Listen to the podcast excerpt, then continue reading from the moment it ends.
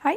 I denne podkasten skal jeg snakke om uh, ulike dilemmaer som kan by på uenigheter nå i disse koronatider. Uh, for det er jo slik at det oppstår mye usikkerhet, da, og det er jo egentlig ingen som helt vet hvilken måte som er best å håndtere denne uventa situasjonen på. Og da er det jo ulike dilemmaer som oppstår, da. Nå skal jeg drøfte litt rundt eh, et par eksempler, f.eks. Det er jo ulike konflikter som kan eh, utvikle seg. Eh, og det er jo f.eks. verdikonflikter. Og det er jo verdikonflikter som f.eks. hvorvidt man skal følge Helsedirektoratets oppfordringer, og hvor strenge man skal være, hvor strenge myndighetene egentlig burde være overfor dette, og hvordan vi velger å håndtere situasjonen, da. Og det kan skape konflikter både internt i familier, blant venner, eh, og i hele Norges samfunn, da. Blant eh, politikere, f.eks. Det kan også oppstå behovs- og interessekonflikter. Eh, og et eksempel på det er jo f.eks.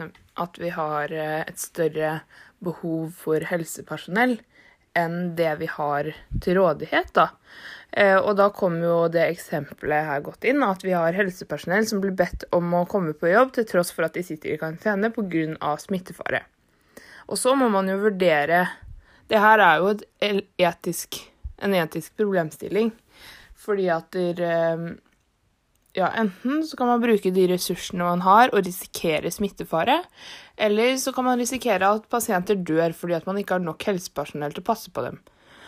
Uh, og da tenker jeg at der, uh, fra mitt synspunkt, da, så tenker jeg at der, hvis ikke det er en veldig stor smittefare, så er det viktigere at helsepersonell kommer på jobb, følger alle retningslinjer i forhold til hygiene, er ekstremt nøye med hygiene, slik at man får brukt de ressursene da, som de er som helsepersonell, slik at vi kan eh, hjelpe de som trenger hjelp. Nå er det jo ikke sånn helt eh, Italia-tilstander her i Norge ennå, men vi vet ikke helt åssen det utvikles. Heldigvis har Norge vært eh, raske på å sette retningslinjer, og vi oppdaga dette svært fort når det først kom til Norge. Og det, kontra Italia, da, så var det mange som gikk smitta en god stund før de oppdaga at det var et stort problem, da.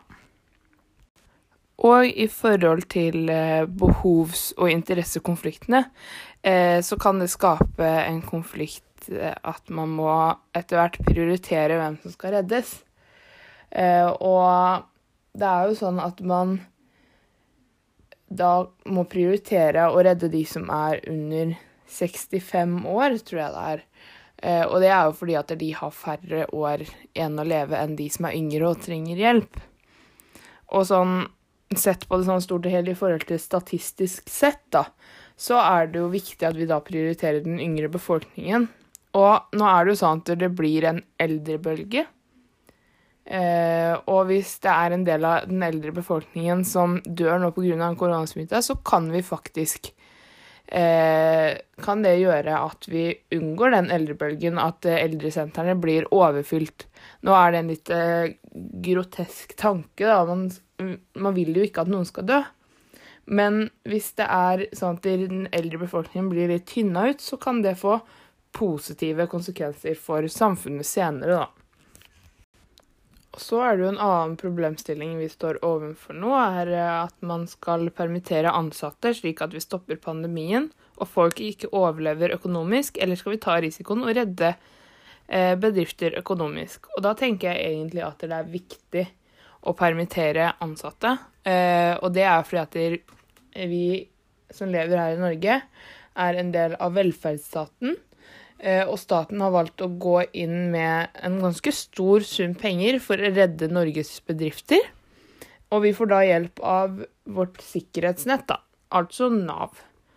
Eh, og da tenker jeg at det er viktig å permittere før bedriftene går så langt at de må legges ned pga. økonomiske vansker, da. Jeg tenker at det er utrolig fint at vi lever i et slikt land at Norge velger å gå inn med såpass mye penger for å redde egentlig hele samfunnet da, i Norge, for det har vi faktisk råd til her vi bor.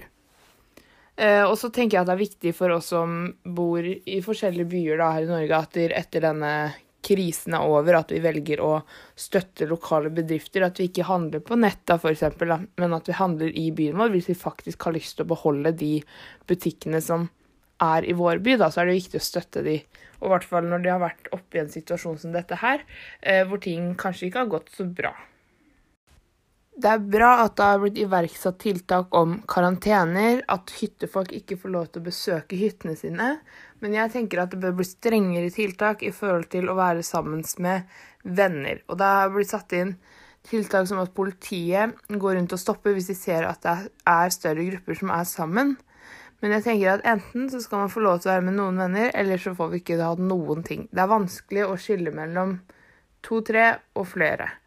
Jeg tenker at nå er det nødvendig å sette inn tiltak som at ingen får lov til å være sammen med noen venner for å stoppe denne pandemien helt. Og vi har såpass mange muligheter til å snakke sammen over FaceTime og sosiale medier, så det tiltaket tror jeg vi må trå til med nå.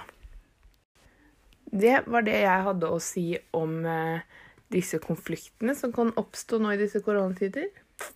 Så takk for meg.